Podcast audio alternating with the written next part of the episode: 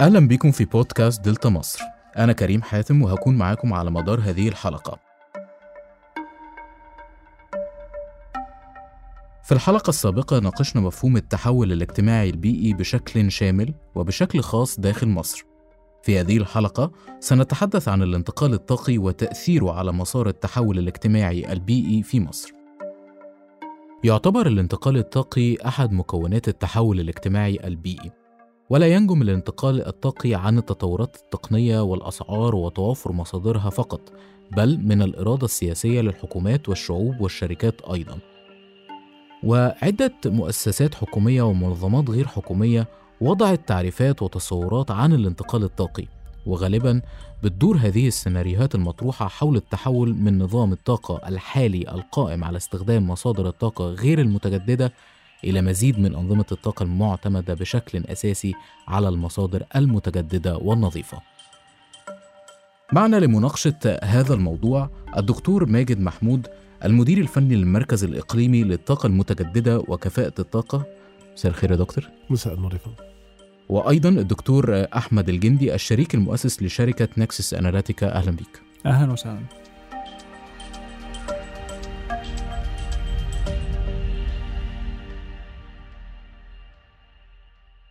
دكتور ماجد أبدأ مع حضرتك. ليه مهم إن إحنا نتكلم عن الانتقال الطاقي في مصر؟ طب لنبدأ يعني خلينا نبسط للمستمعين فكرة الانتقال الطاقي.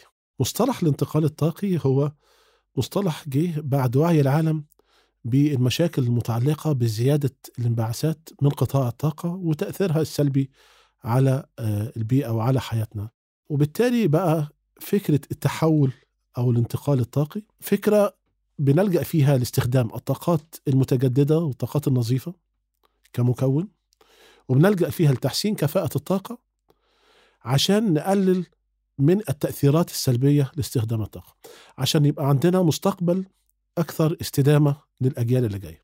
الانتقال الطاقي بمفهومه الواسع في مكونات كتير والحقيقة الطاقة آه كتير بيقول بيسموها ويقولوا عليها هي يعني شرايين التقدم في المجتمع. من غير الطاقة مش هنلاقي تنمية بشكلها الواسع. فالطاقة بتغذي الحياة الإنسانية العادية من إضاءة ومن تبريد في البيت مثلا ثلاجات أو أجهزة تكييف أو الطاقة بمفهومها الواسع في البوتاجاز يعني الحياة العادية بتاعتنا اللي بنعيشها كلنا بنستخدم الطاقة. وأيضا الصناعة بتحتاج كميات طاقة. قطاع النقل بيحتاج طاقة. الزراعة سواء في أغراض الري والضخ وغيره بتحتاج طاقة. كل حاجة في الدنيا بدون الطاقة بتفقد جزء كتير من المكون الحضاري الخاص بيها. وعشان كده مع تطور النمو الاقتصادي لدولة زي مصر وكتير من الدول النامية كل الدول النامية خلينا أقول ما زلنا ما بنقدرش نفصل ما بين تحقيق النمو الاقتصادي وزيادة استهلاكات الطاقة في شتى القطاعات. وبالتالي طول ما إحنا بننمو اقتصاديا في الدول اللي بتسعى للتحول إنها تبقى في مصاف الدول المتقدمة بتستهلك طاقة زيادة. إلى أن تصل إلى مستوى معين بعديه تقدر تعمل هذا الفصل ما بين النمو الاقتصادي واستهلاكات الطاقة. وده شفناه في أوروبا مثلا إنها وصلت لاستهلاكات معينة وبعدين الاستهلاكات بتقل لأن هم حققوا معدلات النمو اللي بيستهدفينها وبقى النمو مش مرتبط ب استهلاك الطاقة. هل إحنا نقدر نوصل لده دلوقتي؟ نقدر بنسب مختلفة. بمعنى إن بإجراءات مختلفة متعددة الحقيقة نقدر نقلل استهلاكات زي الاستهلاكات المنزلية. إنما هل نقدر نقلل استهلاكات زي الصناعة زي قطاع النقل؟ صعب. مع التوسع الزراعي. وهكذا. طيب ده يعني إحنا كده بنتكلم على على يعني استخدام نفس الطاقة الغير متجددة والغير نظيفة ولكن بشكل أقل. يعني الاستهلاك بتاعها هيكون بشكل أقل. طب إذا تحدثنا على الانتقال إلى الطاقة النظيفة والمتجددة حضرتك تقيم هذا الانتقال في الوقت الحالي في مصر إزاي؟ زي ما حضرتك قدمتني أنا بعمل حاليا في المركز الإقليمي للطاقة المتجددة وكفاءة الطاقة. ودي منظمة عربية بتعمل كذراع فني لجامعة الدول العربية فأحب أما أقول لك أقارن إحنا فين من الدول اللي حوالينا مصر حاليا هي الدولة الأولى عربيا من حيث القدرات المركبة لمشروعات الطاقة المتجددة. يعني المحطات اللي راكبة في مصر 6000 ميجا وات تقريبا منهم حوالي 2800 ل 3000 هيدرو والباقي طاقة شمسية وطاقة رياح. ده يمثل قد إيه من حملنا الأقصى يمثل حوالي من 18 ل 20%. ده بيخلينا من الدول المتقدمة مقارنة بالدول الإفريقية والدول العربية. إنما عالميا ما إحناش من أفضل طبعا، إحنا لسه بعاد شوية. ولكن خلينا إن إحنا بنقارن نفسنا، فالتقدم الم- المحرز زي ما بنسميه بالذات خلال خلال آخر خمس سنوات في قفزة كبيرة في مصر في قطاع الطاقة المتجددة. استثمارات تم جذبها يمكن كلنا بنفخر بمشروعات زي مشروعات الرياح اللي على ساحل البحر الأحمر أو مشروع المحطة الشمسية الكبيرة اللي في بنبان واللي بتطلع محطة أخرى حاليا في كومومبو. بما إن حضرتك يعني ذكرت موضوع ال- المشروعات وال- والاستثمارات ال- الموجودة أنتقل للدكتور أحمد. يعني آه، حضرتك مؤسس لشركة آه، تعتبر جزء من آه، ال- الاستثمارات وال- والشركات اللي هي دلوقتي بتبدأ العمل على الطاقة النظيفة ويعني تطوير آه، آه، الطاقة النظيفة. فعايز أسأل نفس السؤال فيما يخص آه، تقييم حضرتك ل آه، شركات القطاع الخاص ودخولها في هذا المجال في الوقت الحالي وتقييمك لتطوير الانتقال للطاقة النظيفة في الوقت الحالي في مصر. طيب خلينا نبدأ بال... بالشركات اللي هي بتعمل في مجال الطاقة المتجددة. آه نحاول نحصرها بالنسبة للطاقة الشمسية مثلا. إحنا عندنا في حوالي من 250 ل 270 شركة مؤهلة تحت مظلة آه هيئة الطاقة الجديدة المتجددة. دي المؤسسة الحكومية المعنية بعملية تطوير الطاقات المتجددة في مصر. هيئة الطاقة خلال الفترة اللي فاتت بدأت إنها تاخد خطوات تانية جادة عشان تكون بتؤهل في السوق الحالي إن هو يبقى فيه جودة للمنتجات اللي بيتم تركيبها في السوق. فعملوا عملية إعادة تأهيل للشركات اللي موجودة. فبدأنا إن إحنا نشوف إن هم عندهم مجموعة تصنيفات مختلفة تصنيف بلاتيني تصنيف فضي تصنيف ذهبي. وكل واحد من دول بيحاول إن هو يحط الشركات تحت مظله على حسب حجم المشروعات اللي هم بيبنوها. لأن إحنا بدأنا دلوقتي نعدي من مرحلة إن إحنا سوق ناشئ في الطاقات المتجددة. إلى سوق بينافس أسواق عالمية موجودة فعندنا الشركات المؤهلة إنها تقدر إنها تتواصل في هذه. الموضوعات. هل ال 250 شركة اللي موجودين بيدوني. انعكاس للوضع إن سوق الطاقة المتجددة في مصر رائج وفي حركة كتير على مستوى مثلا الجوانب المنزلية والتجارية والصناعية؟ في الحقيقة لا لأن ال 250 شركة اللي موجودين إحنا لو هنتكلم في نسبة الشركات اللي بتشتغل منهم قد إيه حاليا في السوق في الوقت الحالي لا يتعدى من 10 ل 15% يعني حضرتك بتقارن اللي موجود بالاحتياج اللي موجود بالاحتياج بالظبط و الفرق اللي موجود اللي إحنا بنتكلم من 10% أو 15% تقريبا من الشركات اللي موجودة مؤهلة تبع هيئة الطاقة هي اللي بتعمل في السوق ليه؟ لأن الشركات دي مش بالضرورة تكون شركات بتعمل في بناء الطاقات المتجددة، لا دي شركات بتكون بتعمل في عملية البيع للخلايا الشمسية فقط وليست عملية بناء للمنتجات اللي موجودة. وده هيوصلنا للموضوع الثاني طب إحنا دلوقتي كان في عندنا أهداف استراتيجية خاصة بالطاقات المتجددة. إحنا المفروض السنة الجاية 2022 نوصل لهدف استراتيجي اسمه 20% من الطاقة اللي موجودة في السوق أو في الشبكة تكون بيتم توليدها من الطاقات المتجددة. هل إحنا وصلنا للرقم ده في الوقت الحالي؟ في الحقيقة لا. دكتور ماجد كان لسه موضح من شوية إن إحنا نسبة مزيج الطاقات المتجددة من ما يتم توليده هو 20% ولكن الهدف الاستراتيجي المعلن اللي إحنا كنا بنتكلم عنه إنه يكون من الطاقات اللي موجودة على مستوى الشبكة. لأن في فرق ما بين المحطات اللي هي موجودة عندي والمحطات أو الطاقة اللي يتم توليدها. الانعكاس ده جاي منين أو ليه في تأخير في الأهداف الاستراتيجية اللي موجودة عندنا؟ لأن إحنا عندنا في مشكلة تانية خاصة إن في فائض طاقة موجود على الشبكة. فائض اللي موجود على الشبكة ده إحنا بنتكلم تقريبا في حوالي 20 ألف ميجا وات ده عشان نقدر إن إحنا نبسط المشاهد ده بيمثل قد إيه؟ السد العالي بيمثل 23 آه آه 2300 آه آه ميجا وات فإحنا بنتكلم تقريبا في 10% من النسبة اللي موجودة من الفائض اللي في طيب الطاقة. علشان نوضح برضو أكتر م. يعني علشان ال ال الأرقام ما تخشش في بعض. حضرتك قلت إنه إحنا عندنا مشكلة إنه في فائض. طبعا. عايزين نوضح الجملة دي لأنه ال- ال- المشكلة إنه ما يبقاش في فائض. المشكلة إن إحنا عندنا فائض أكتر من اللازم. نحطها ما بين سطور أكتر من اللازم. بمعنى إيه؟ آه إنه في أي نظام موجود بالنسبة للطاقات إحنا المفروض بنتكلم في حوالي من 20 ل 25% فوق سقف الاحتياج اللي أنت محتاجه على الشبكة.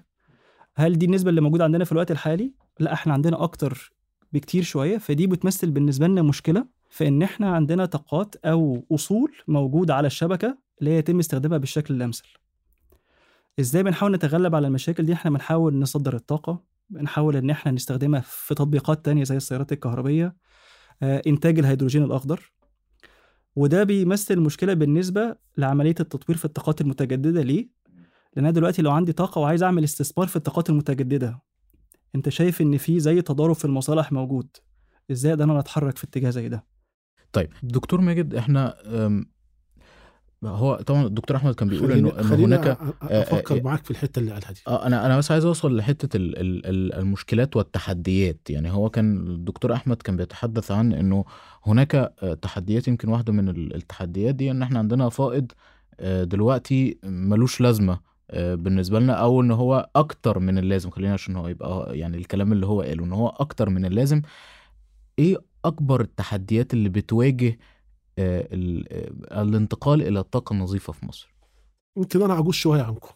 وأنا عشت فترة في نهاية التسعينات كان مصر فيها فوائد كبيرة جدا. وكان قطاع الكهرباء برضو بيسأل أنت ليه عندك الفوائد دي؟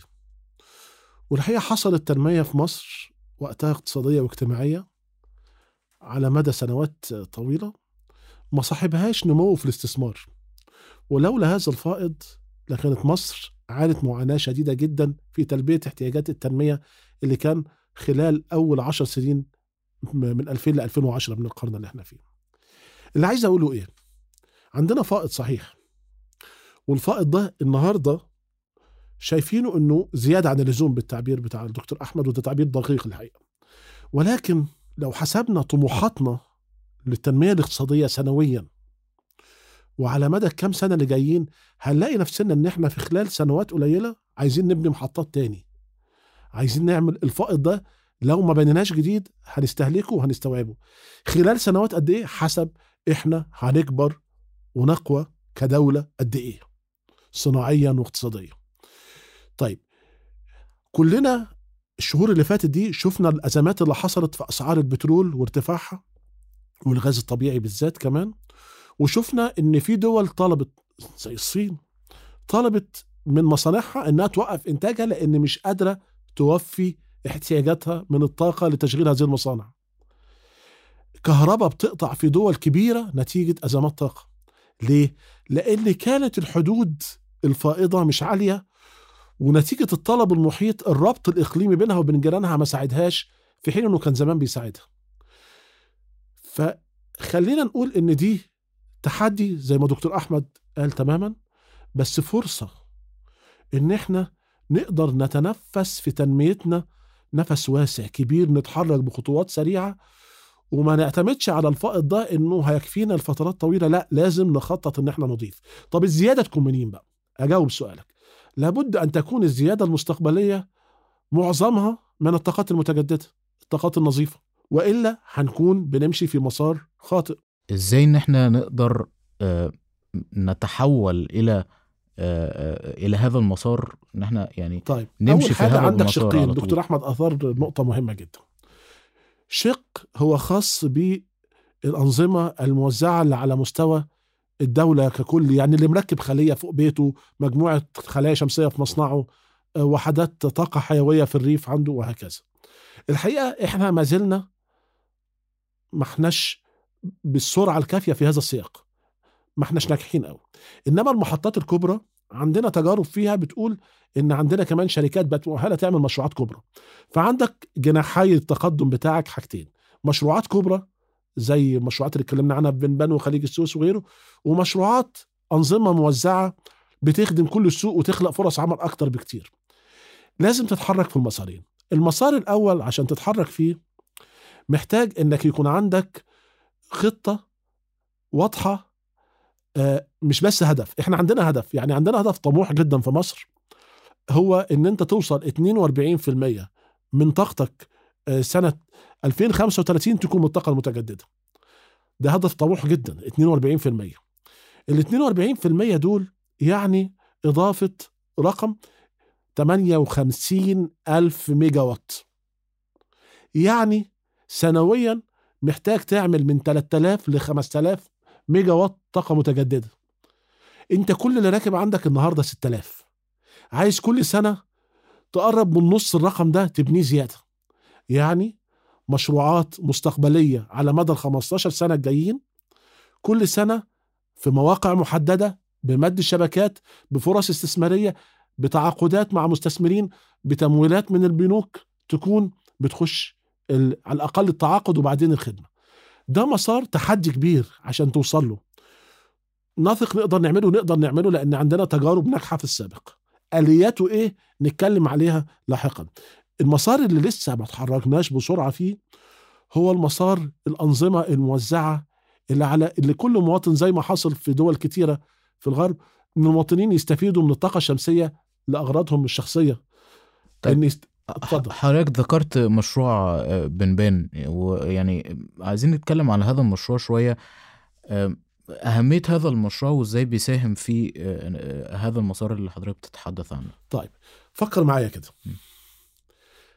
ما قبل بنبان وما بعد بنبان قبل بنبان كانت مصر بتعمل مشروعات حكومية بتمويلات أجنبية مساعدات لهيئة الطاقة المتجددة.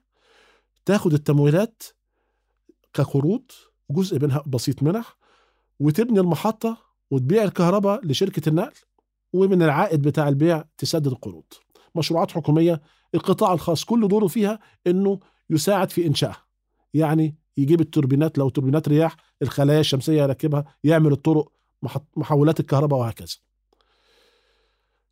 هل يا ترى الدولة هتقوم على طول بنفسها بإنشاء المحطات؟ عالميا ثبت إن الأفضل إنك تروح لمشروعات يقوم بها القطاع الخاص لأن عادة بتكون كفاءتها أفضل ومردوديتها المالية أفضل للدولة وما بتحملش الدولة أعباء كبيرة في الاستثمارات بالعكس بتقسط السعر كأنك بتدفع سعر الكهرباء على سنين طويلة من 20 ل 25 سنة. يبقى بنبان عملت إيه؟ إن عم مصر عملت آلية اولا عملت حاجة جميلة جدا عملت بنية تشريعية عظيمة أنا في رأيي إنها جيدة جدا بيئة قانونية بالظبط طلعنا قانون للكهرباء في 2015 وقوانين للطاقة المتجددة مش قانون واحد أكتر من قانون القوانين دي سمح بآليات لدخول القطاع الخاص فبقى القطاع الخاص إنه ينشئ محطات بقى شيء قانوني. ده أول حاجة. بآليات مختلفة. من هذه الآليات قلنا طيب إحنا دولة في 2015 لسه خارجين من ثورة ومحتاجين ثقة في الاستثمارات ومحتاجين جذب الاستثمارات فعملنا آلية اسمها تعريف تغذيه الشبكة المميزة. يعني إيه ببساطة؟ يعني ندي سعر أغلى شوية للطاقة اللي جاية من المتجددة تحفز المستثمر أما يبيع الكهرباء ياخد عائد مربح ليه. وبالتالي هذه المشروعات أما أعلنا عن ال- آلية تعريف التغذية شمس ورياح الحقيقة الشمس مشيت أسرع. وفي الشمس دي أثمرت مشروع بنبان اللي حضرتك بتتكلم عنه. كام شركة؟ مش شركة كام تحالف شركات آه، ع- عملت مشروعات؟ 32 تحالف. كأن عندك 32 محطة. باستثمارات كام بقى؟ أكتر من 2 مليار دولار تدفقات أجنبية دخلت في استثمارات هذه المحطات. فبقى عندك وبنوك أجنبية مولت كتير آه، يعني بنوك عالمية. وبالتالي بقى عندك ثقة إن عندك مصر قادرة على إنها تطرح مشروعات للقطاع الخاص والقطاع الخاص يستجيب ومؤسسات الاستثمار تثق في القطاع الخاص. ومفروض إن هي كمان بتوفر يمكن أكتر من 1400 آه، آه، ميجا وات ال- آه، المشروع. 1465 آه، ميجا آه. وات تحديدا في بنبان طيب أنتقل لدكتور أحمد. يمكن آه، آه، دكتور ماجد كان بيتكلم على دور آه، الدولة في هذه المشروعات الكبيرة وتهيئة ال- البيئة آه، من خلال آه، ال- آه، التشريعات والقوانين. آه، لجذب الاستثمارات والشركات الخاصة. وحضرتك ممثل هنا للشركات الخاصة أو القطاع الخاص. إزاي هذه البيئة القانونية بتقدر إن هي تساعدك؟ وما هي أكبر التحديات بالنسبة لك؟ طيب هو توضيح بسيط. إحنا كشركة فعلا بتشتغل في القطاع الخاص. إحنا بنشتغل في جانب استشاري بحت. آه، بمعنى إن إحنا بنساعد الشركات آه، في تقييم نموذج العمل الخاص بيها بحيث إنها تقدر إنها تقتحم السوق وتشوف إيه الفرص المتاحة فيه.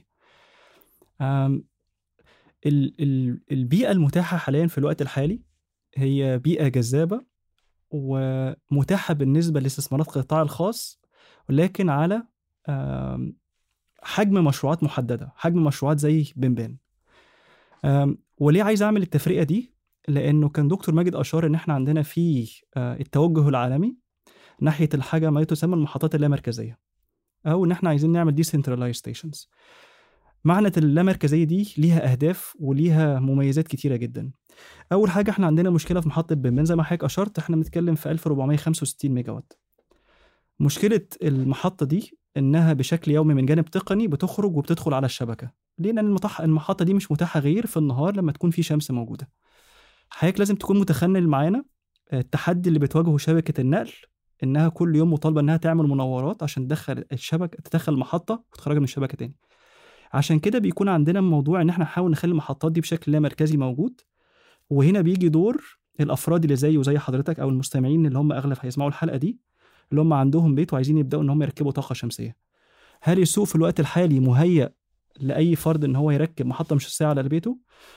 لا بصراحة لا. أنا هكلم حضرتك بصراحة إحنا لما حد بيجي يتكلم معانا كشركة استشارية أنا أول سؤال بسأله له حضرتك عايز رأي كاستشاري ولا كواحد زميلك أو صديق ليك؟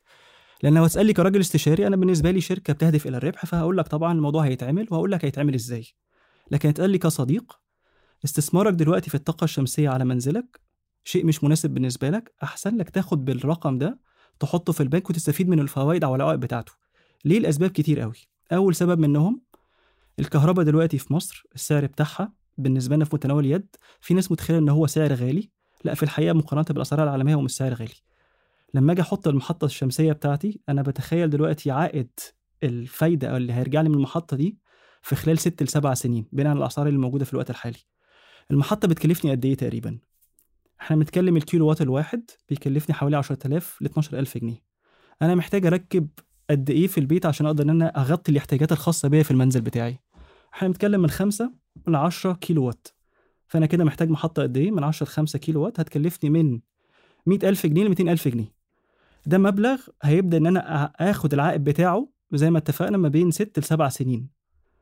أفضل لك إن أنت تكون بتعمل إيه؟ ممكن المبلغ ده تقدر تستخدمه لأن إحنا عندنا فيه زي ما قلنا دلوقتي في فوائد من البنوك متاحة تقدر إنها ترجع لي المبلغ ده بشكل أحسن. ولكن الفكرة هتكون في ال في ال آم آم في الدعم الحكومي المقدم من الدولة عشان تقدر إنها تدعم المشاريع دي. إحنا عندنا الدكتور ماجد اتكلم عن موضوع التعريفة المميزة. هل التعريفة المميزة موجودة بالنسبة للقطاع المنزلي أو السكني؟ في الحقيقة لا المشروع ما وصلش الاهداف اللي هو كان عايز يوصل لها. إحنا كنا عايزين نوصل لرقم 300 ميجا.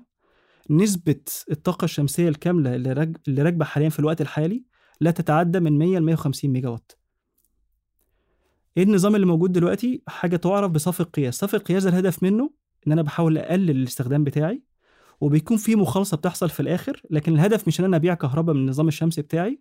لكن الهدف منه إن أنا بحاول إن أنا أستخدم الطاقة الشمسية عشان أقلل استهلاك الطاقة بتاعي. طب يعني إيه اللي محتاج إن هو يتغير علشان نقدر نبتدي آه، إنه ما يبقاش مجرد بس إن أنا بحاول أقلل الاستهلاك أو إن أنا أغير شكل استهلاكي ولكن إن أنا أغير الطاقة نفسها اللي أنا بستهلكها علشان نبقى بنتكلم في مسار التحول الاجتماعي البيئي اللي إحنا أصلا بنحاول إن إحنا نوصل له. لازم يكون في بيئة بت... فيها لوائح خاصة تقدر إنها تكون بتشجع المستثمرين اللي هم زيي وزي حضرتك على المستوى المنزلي أو على المستوى حتى التجاري إن هو يكون مهتم إن هو يستثمر في الطاقة الشمسية في بيته أو في السكن بتاعه.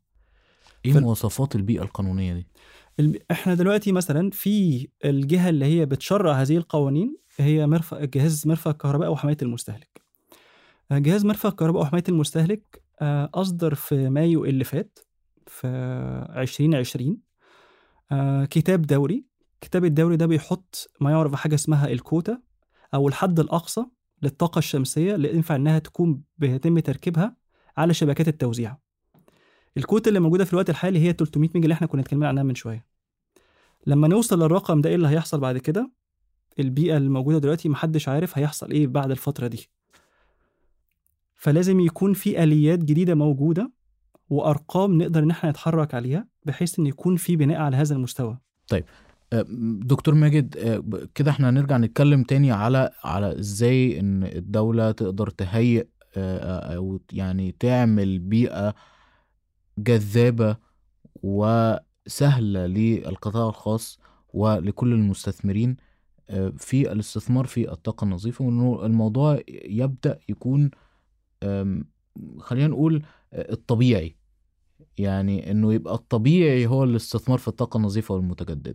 وإن الطبيعي إنه الفرد يبقى بيستهلك أكتر من آه، الطاقة النظيفة والمتجددة. إزاي نقدر نوصل لدي وإزاي إيه اللي المفروض إن إحنا نعمله؟ وهل فعلا في أهداف وخطط للتوجه لهذه النقطة؟ عشان نحلم لمستقبل لازم نوصل للحقيقة على الأرض. والحقيقة دي نفهمها كويس.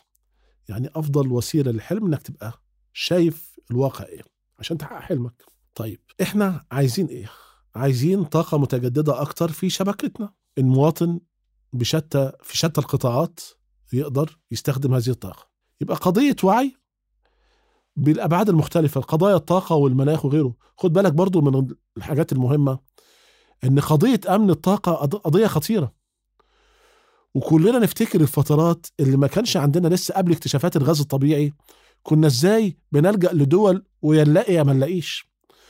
فيبقى بعد تغير مناخ بعد أمن طاقة.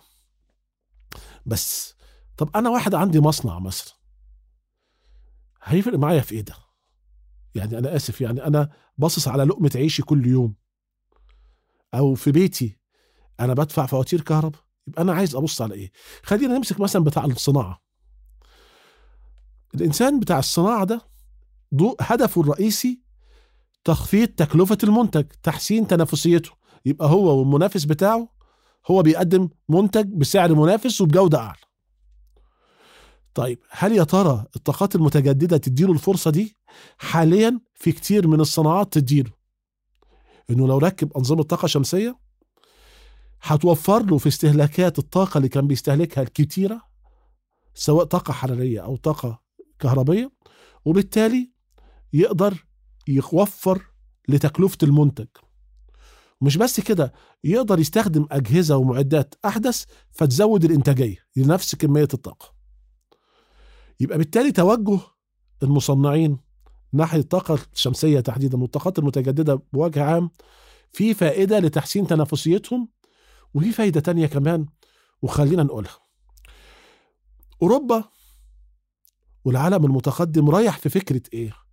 إني مش عايز منتجات مصنوعة في حتت ملوثة للبيئة مش عايز صناعة مبنية على منتج أساسا الطاقة بتاعته جاية من وقود تقليدي أحفوري ففي سبيلهم لده ناويين يعملوا إيه؟ ناويين يعملوا ما يطلق عليه ضريبة الحدود الكربونية يعني إيه؟ يعني هيديك لو أنت بتصدر منتج من دولة ملوثة للبيئة هيتفرض ضرائب إضافية على سعر المنتج على أساس تدفع ثمن تلويث البيئة اللي أنت عملته. دي اسمها ضرائب الكربون. طب تعمل إيه ضرائب الكربون؟ تقلل من أرباح المنتج. يبقى تنافسية المنتج في مصر وفي المنطقة العربية وأي دولة ما راعتش لو ما- اتحركتش بسرعة إنها تخفض انبعاثاتها هيكون تنافسيته أقل لأنه لو الانبعاثات أكتر الضرائب عليه أكتر. يبقى بتحولنا ناحية الطاقة المتجددة كسبنا ضربنا أكتر من عصفور بحجر واحد. رقم واحد حسنت تنافسيتي. من ناحية استهلاكات طاقة أقل. رقم اتنين حسنت تنافسيتي من ناحية إن أنا منتج صديق للبيئة قابل للتصدير. طب هو ده ينفع في حاجة تانية؟ ينفع. مثلا في السياحة. السياحة صديقة البيئة. مستعدين كتير من السائحين إن يدفعوا في الفندق اللي بيعتمد على الطاقات المتجددة. في كهربته وفي أحماله الحرارية في سخانات المية مثلا يدفعوا له فرق دولار أو دولارين زيادة في الفندق في الليلة نتيجة البريميوم البيئي ده. يبقى فندق صديق للبيئة فندق أخضر. فده موجود عالميا وليه ليبلين كمان ليه شهادات وغيره. طيب يبقى اتكلمنا عن سياحة اتكلمنا عن صناعة. تعال نفكر في حاجة بتشكل بت- بتشغل أكتر من 60% من المصريين. الزراعة. الزراعة انت تعرف ان إحنا عملنا دراسة في في المركز عندي من كام سنة الحقيقة أنا كنت حابب أعملها والحمد لله قدرنا ندبر تمويلات وعملناها. عايزين نعرف قد إيه طرمبات مية للري معتمدة على الديزل على الوقود التقليدي وعمرها قد إيه؟ تصور لقينا في مصر 960 ألف طرمبة مية بتعمل بالديزل. بالوقود التقليدي بالسولار. وحوالي 60% منها من الستينات والسبعينات من القرن اللي فات. متخيل كفاءتها إيه؟ إهدارها سواء للطاقة أو للمية قد إيه؟ فده يعني إيه؟ إن التحول للري بالطاقة الشمسية مع تطوير قطاع الري إنه يقلل الإهدار في المية ناحية ري حديث بأنواعه المختلفة هيخليني أعظم من إنتاجية المحاصيل وأقلل من مست... مدخلات الطاقة ليها اللي يحسن تنافسية المحاصيل اللي طالعة. تبقى أرخص بمنتهى البساطة. لو مشروع زي المليون ونص فدان مليون ونص مليون فدان في الصحراء أحسن أزرعه بإيه؟ الآبار هتضخ بالطاقة الشمسية.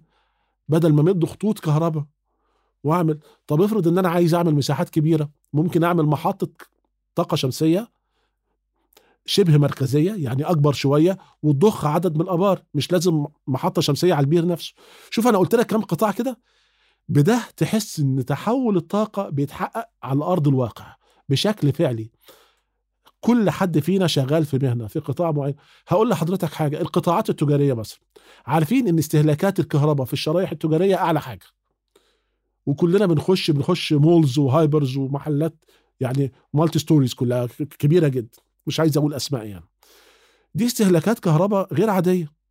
فكتير منها بقى يتحول دلوقتي إنه يركب على الجراشات على الأسطح أنظمة طاقة شمسية. توفر له فاتورة الكهرباء اللي هي الشريحة الأعلى لأنه قطاع تجاري وبالتالي بقى عنده وفرات ملحوظة. فلميت برضو القطاع التجاري. اتكلمنا على صناعة زراعة سياحة تجارة. أنا عايز أنتقل آه، يعني آه، دكتور أحمد من آه، التحديات ل أو التحديات اللي إحنا كنا بنتحدث عنها التحديات ال- إن إحنا يبقى عندنا بيئة تجذب الاستثمارات وبيئة تشجع على الانتقال الطاقي. عايز أتحدث عن التحدي التكنولوجي. وعايز يعني إن إحنا نذكر نموذج آخر غير كمان النموذج لأن الطاقة الشمسية إحنا عارفين طبعا إنه في آه، يعني تحدي حضرتك كمان كنت أشرت إليه إنه الطاقة الشمسية بتتشحن لما آه، الشمس بتكون موجودة. فده تحدي تكنولوجي تحدي تقني. عايز أتكلم على العربيات الكهرباء. ده تحدي تكنولوجي دلوقتي موجود. البطاريات ما بقى يعني آه، عشان نبقى بنتكلم على على الفرد أنا لو أنا ماشي بعربيتي والبنزين خلص مني هخش محطة البنزين وهفول في ساعتها. إنما أنا لو ماشي بالعربية الكهرباء آه، والكهرباء قطعت مني هقعد جنب العربية شوية عقبال ما العربية تشحن. فده تحدي تقني تكنولوجي. آه، حضرتك شايف التحدي ده إزاي؟ وهل إحنا نقدر إنه أو هل في توقع إنه آه، نقدر نعدي التحديات التقنية دي؟ آه طبعا لأن هو العالم اكتشف الحل لهذه المشكلة فالحل التقني موجود لكن المشكلة بتكون في كيفية وضع هذه الحلول على أرض الواقع. حضرتك أشرت ان أنا دلوقتي هكون سايق العربية وفجأة اكتشف إنها تقطع مني. لا أكيد حضرتك عندك في مؤشر بيقول لك قبل ما هتقطع إن في حل هيكون موجود. فلازم يكون في بنية تحتية موجودة قادرة إنها تقدر إنها تورد لي الطاقة اللي أنا محتاجها للعربية دي. فالتحدي هو في بناء هذه البنية التحتية وهتتبني إزاي. أنا بالنسبة لي بصراحة شايف التحدي الأكبر في موضوع السيارات الكهربائية هو وعي المواطن. وعي المواطن بمعنى إيه؟ إن هو لازم يبقى فاهم ويكون عنده دراية كاملة بأبعاد هذه التكنولوجيا عاملة إزاي. في آه، مغالطات كتير بتكون موجودة في هذا الموضوع بتحتاج لتوضيح. أحد الحاجات اللي بتبقى موجودة إنه آه، العربية الكهرباء غالية ودي ملهاش أي مستقبل في الوقت الحالي. لا حضرتك بتبص دلوقتي على سعر العربية فقط مش بتبص على سعر المنظومة بالكامل. آه، إحنا كنا لسه بندردش أنا ودكتور ماجد قبل ما نيجي دلوقتي وبنشوف التكلفة بشكل كامل على مدار استهلاك العربية هتكون عاملة إزاي؟ انت دلوقتي يعني حضرتك مش آه. بتتكلم على على السعر اللي أنا بدفع في الأول بس عشان الناس بتبقى حاطة في دماغها آه طبعاً. إن هو آه، التكلفة إن أنا المبلغ اللي أنا بدفع فيه ثمن العربية. بالظبط. لكن آه. بالظبط. دي المغالطة اللي موجودة إن أنا ال... الاستثمار بتاعي هو الاستثمار المبدئي على سعر العربية فقط. ودي مغالطة مش موجودة في سيارات الكهربائية بس دي موجودة في حاجات كتير قوي زي مثلا آه، شهادات كفاءة الطاقة اللي بتبقى موجودة على الأجهزة الكهربيه في ناس بتبقى لما بتيجي تشوف الملصق الطاقة بيبقى فيه مؤشرات مختلفة أعلى مؤشر اللي هو أقل استهلاك بيبقى أغلى لكن ده بالنسبة للشراء المبدئي. لكن على مدار استخدامه على أكتر من سنة مع معدل استهلاك أنا بشتريه هيكون أرخص. لأن أنا لو اشتريت حاجة بتستهلك أكتر وهي رخيصة على المدى البعيد هتكون لسه بتستهلك كهرباء. آه، نرجع تاني للموضوع. أنا بالنسبة لي ال- آه، السيارات الكهربائية مش مجرد السيارة بس لسه العربية هتتشحن. فعملية شحن بالطاقة الكهربيه غير لما أنا أكون بشحنها عن طريق البنزين أو السولار. إحنا سعر البنزين دلوقتي كام؟ هنتكلم على 95 بنتكلم في حوالي 9 جنيه. أنا العربية بتاعتي بتتشحن مثلا بحوالي 400 جنيه بتقضيني حوالي 650 كيلو. السياره الكهربائية بتبقى جواها بطارية البطارية دي بيبقى ليها سعة محددة. السعات اللي هي موجودة في الوقت الحالي مناسبه للسوق المصري إحنا بنتكلم سعة من 50 كيلو وات ساعة لحد 80 كيلو وات ساعة. هنفترض إنها ال 50 كيلو وات ساعة دي هتقضيني قد إيه؟ في المتوسط أنا بالنسبة لي كل 15 كيلو وات ساعة بيقدروا إن هم يدوني حوالي 100 كيلو. فده هيديني تقريبا قد إيه؟ حوالي 350 كيلو. يعني تقريبا نص اللي السيارة العادية البنزينة تقدر إنها تديهوني. التكلفة بقى هنا كام وهنا كام؟ لو إحنا بصينا على السيارات الكهربائية اشحنها بالكامل عشان تديني 350 كيلو إحنا بنتكلم في حوالي 80 جنيه. ده لو أنا هعملها طبعا شحن منزلي في البيت. على أعلى شريحة موجودة دلوقتي لأن إحنا الكهرباء عندنا في مصر متقسمة على نظام شرايح. أعلى شريحة فيهم حوالي جنيه 65 قرش أو جنيه 45 قرش آسف. آه بالنسبة للعربية البنزين دفعت حوالي 400 جنيه. فأنت شايف الفرق هنا دلوقتي عامل إزاي؟ ده بالنسبة بقى انت حضرتك هتستخدمها على طول. طيب ده الشق بتاع استهلاك العربية من عملية الشحن من عملية الصيانة. السيارة الكهربائية في الأغلب ما بتحتاجش صيانات زي العربيات البنزين. ليه؟ لأن أنا مجرد عندي في موتور كهربي موجود في العربية. في الناحية التانية عندي موتور ميكانيكي. موتور ميكانيكي فيه قطع كتير قوي زي حاجات البوجيهات ال- السيور اللي موجودة جوه الموتور كل الحاجات دي مش محتاجه في الموتور الكهربي. عملية الصيانة بتقل بشكل كبير. وأنت عملية الصيانة بتعملها كل 10000 كيلو بتدفع لها في المتوسط من حوالي 2000 ل 3000 جنيه. ده شق الناس مش بتبص عليه في عملية شراء الكهرباء. طيب في الدول المتقدمة كلها بتحاول إنها تعمل دعم للسيارات الكهربائيه دي. بتديهم زي فوائد مادية بياخدها كفلوس في إيده؟ يعني أنا لما أروح اشتري كان في في عندنا قانون موجود بالنسبة للعربية السيارية اللي هي الكهربائية النصر إن كانت الحكومة هتعمل دعم حوالي 50000 جنيه لأول تقريبا 100000 مشتري.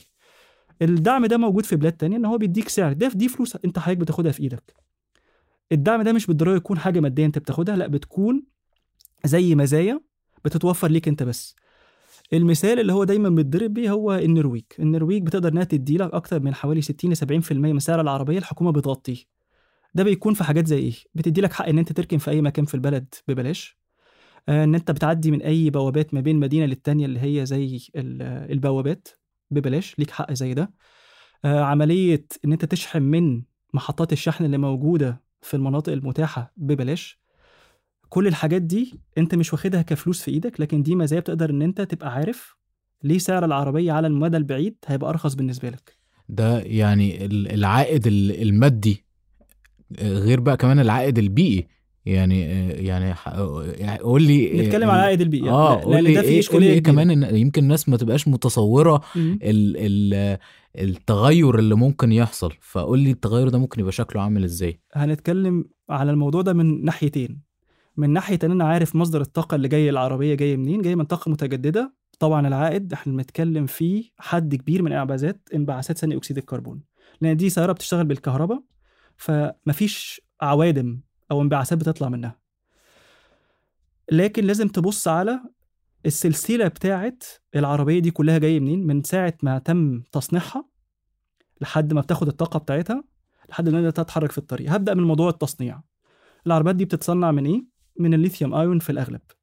عملية الليثيوم ايون دي لازم تشوف معدل الانبعاثات اللي طالع منها عشان يتم تصنيعها. طيب ده شق ببص عليه. الشق الثاني البطارية دي في الأول وفي الآخر ليها عمر افتراضي من 10 ل 15 سنة. لما ينتهي العمر الافتراضي لهذه البطارية هنعمل فيها إيه؟ أنا ما عنديش إجابة لأن ما حدش لسه عنده إجابة لهذا الموضوع. آه في اقتراحات- تتحدث عن دلوقتي كده مشكلة المخلفات مخلفات؟ التكنولوجية التكنولوجيه دي- بتاعت البط دي ده موضوع. موجود فعلا يعني. ده هما- موضوع لسه بيتم دراسة إيه ال- ال- الحلول المتاحة لهذا الموضوع. شق منهم إن إحنا ناخد البطاريات دي نستخدمها للتخزين مع الطاقات المتجددة فبيسموها زي second life battery أو العمر الثاني للبطارية دي. بتكون بكفاءة أقل بمعدل شحن أبطأ بكتير لأن أنا مش محتاجها للعربية لكن ممكن أستخدمها في تطبيقات تانية. لكن المشكلة لسه بيتم ال- البحث فيها إيه المجالات المختلفة اللي هتبقى عليها. طيب ده شق بالنسبة للبطارية. من قلنا زي ما قلنا عملية تصنيع وعملية تدوير هذه المخلفات. طيب الشق اللي هو بقى بتاع عملية الطاقة اللي جاية عشان أشحن البطارية دي جاي منين؟ هل عند حضرتك دايما تأكيد إن الطاقة اللي جاية جاية من الطاقة المتجددة؟ مش بالضرورة لأنه الطاقة بمجرد ما هي بتخش على شبكة النقل بيحصل إن مزج لكل الطاقات دي فأنا ما أعرفش مصدر الطاقة بتاعي جاي منين. ممكن يكون جاي من محطات حرارية بتشتغل بالوقود الأحفوري ممكن تكون جاية من الطاقة المتجددة. الحالة الوحيدة اللي ابقى عارف الطاقة دي جاية منين؟ لو أنا عندي خلايا شمسية على البيت بتاعي وبشحن من الشاحن الموجود عندي في البيت. حضرتك لو بتشحن من محطة موجودة في طريق عام ما تعرفش الطاقة دي جاية منين إلا لو في جزء حاجة اسمها شهادات الطاقة الخضراء إن مصنع الطاقة أو مصنع المحطة اللي حطها موجودة بالنسبة لي بيكون شاري شهادات الطاقة دي فبيكون بالنسبة له معاه مصدر إن أنا الطاقة بتاعتي جاية من طاقة متجددة. لكن ده من جانب تعاقدي فقط مش من جانب فيزيائي بمعنى إن أنا بثبت بس إن أنا خدت الجزء من اللي موجود في المزيج اللي موجود كله. أنا خدت الجزء بتاعي من طاقة متجددة لكن مش بدايه يكون جاي بالنسبة لك العربية من مصدر طاقة متجددة. إذا فإحنا يعني أمام تحدي برضو آه، آه، يعني بناء البنية التحتية لهذه المنظومة بالكامل. هي مش مسألة بس إن أنا بركن عربيتي ال- اللي بتشتغل بالبنزين أو الوقود الأحفوري وبشتري العربية ال- الكهرباء. في منظومة كاملة محتاج إن المجتمع كله يكون مشارك فيها. طيب دكتور ماجد هل بالفعل آه، تقدر آه، آه، الطاقة المتجددة منافسة الوقود الأحفوري؟ تقدر في قطاعات وما تقدرش في قطاعات وتقدر بشكل مباشر في قطاعات والقطاعات اللي ما تقدرش عليها بشكل مباشر تقدر تعمله بشكل غير مباشر. إحنا بنتكلم في الوقت الحالي. في الوقت الحالي. م. طيب خلينا نقول إيه؟ اولا أنا عجبني السؤال قوي والرد بتاع دكتور أحمد هايل الحقيقة. ماذا لو عربيتك كنت محتاج شحن وانت مسافر اسكندرية مثلا طب ما نشوف الدول التانية عملت إيه؟ ما المشكلة قائمة ومش كل الدول لسه فيها محطات شحن يعني ما الدنيا قطاع زي ما الدكتور أحمد بيقول ما حدش خد التجربة لسه للآخر إنه بقى عنده عربيات قديمة ومحطات في كل حتة. في كونسبت موجود دلوقتي اسمه محطات الشحن المتنقلة. محطة شحن تجي لك تمول لك في المكان اللي انت فيه زي لو حصل عطل يجي لك حد يعمل لك ده موجود. وموجود بكثرة مثلا في دولة زي الصين ان عملت هذا التحول يعني. أرجع بقى للسؤال بتاعك. هل الطاقات المتجددة قادرة على إنها آه، تنافس الطاقات المتجددة التقليدية؟ أنا بحب أبص على آه، في مثل أمريكي لطيف يقول لك الأسئلة هي الأجوبة. يعني بص السؤال فين وكيفه عشان تعرف الإجابة إيه. طب بنتكلم مثلا عن الكهرباء مش الكهرباء نوع من أنواع الطاقة. حاليا الكيلو وات ساعة المنتج من الطاقة المتجددة أرخص أرخص بكتير من الوقود التقليدي سواء كان فحم أو غاز أو غيره. النهارده الكيلو وات ساعة في مصر هنا من الشمس والرياح من الطاقة الشمسية وطاقة الرياح يعادل من 2 ل 3 سنت دولار لكل كيلو وات ساعة. في حين التقليدي من 4 ل 6 ول 7 كمان. فالنهاردة الطاقة المتجددة منافسة. بس مشكلتها إيه اللي اتكلمنا فيها من شوية دكتور أحمد وحضرتك؟ التغير بتاع الطاقة المتجددة. إن مش كل وقت في رياح ومش كل وقت في شمس ممكن يبقى في أوقات. بالليل مثلا ما فيش أو في أوقات فيها سحاب وغيره زي اليومين اللي إحنا بنمر بيهم دلوقتي في الشتاء. طب ال variability دي ليها حلول؟ ليها حلول. منها مثلا أنا بقول لك تحديات. إنك تعمل لو البطاريات بتنمو. على فكرة في دول كتيرة حاليا بتطرح مشروعات لبطاريات لأن ال technology بيحصل فيها تطور سريع جدا. ويمكن قبل الحلقة أنا كنت بتناقش مع حضرتك إن ثقتي في تطور ال technology غير عادي بإذن الله في المستقبل إن شاء الله سبحانه وتعالى. ربنا ادانا قدرة على الإبداع والابتكار إن التكنولوجيا هتتطور بشكل سريع وده شفناه في حياتنا في الطاقة الشمسية اللي سعرها انخفض من الميجا وات بحوالي 5 مليون دولار للميجا وات بمليون 80% انخفاض. يعني سعرها 20% من سعرها من 10 سنين. البطاريات بيحصل فيها شيء مشابه دلوقتي. بس مشكلتها لسه الساعات إنها مش بروفن مش مش موثوق إنها تعمل محطات كبيرة. بس محطات معقولة؟ لا موجود. طب إيه غير البطاريات؟ ممكن نروح لفكرة زي الضخ والتخزين المائي. هو دي ممكن؟ آه ممكن. يعني إيه الضخ والتخزين المائي؟ كلنا عارفين الطاقة المائية مبنية على فكرة إن يبقى المية في خزانات على مستوى عالي وتنزل من المستوى العالي ده فتدور توربينات تولد كهرباء.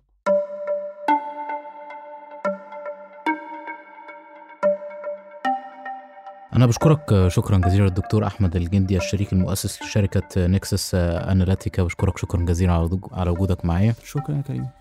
وكمان أحب أشكر الدكتور ماجد محمود المدير الفني للمركز الإقليمي للطاقة المتجددة وكفاءة الطاقة بشكرك على وجودك معايا. شكرا. بشكر جميع المستمعين أنا كنت كريم حاتم معاكم إلى اللقاء. بودكاست دلتا مصر أنتج بتوجيه من مؤسسة فريدريش إيبرت وأشرفت على إنتاجه ونشره شركة صوت. الآراء المطروحة في هذا البودكاست لا تعبر بالضرورة عن آراء مؤسسة فريدريش إيبرت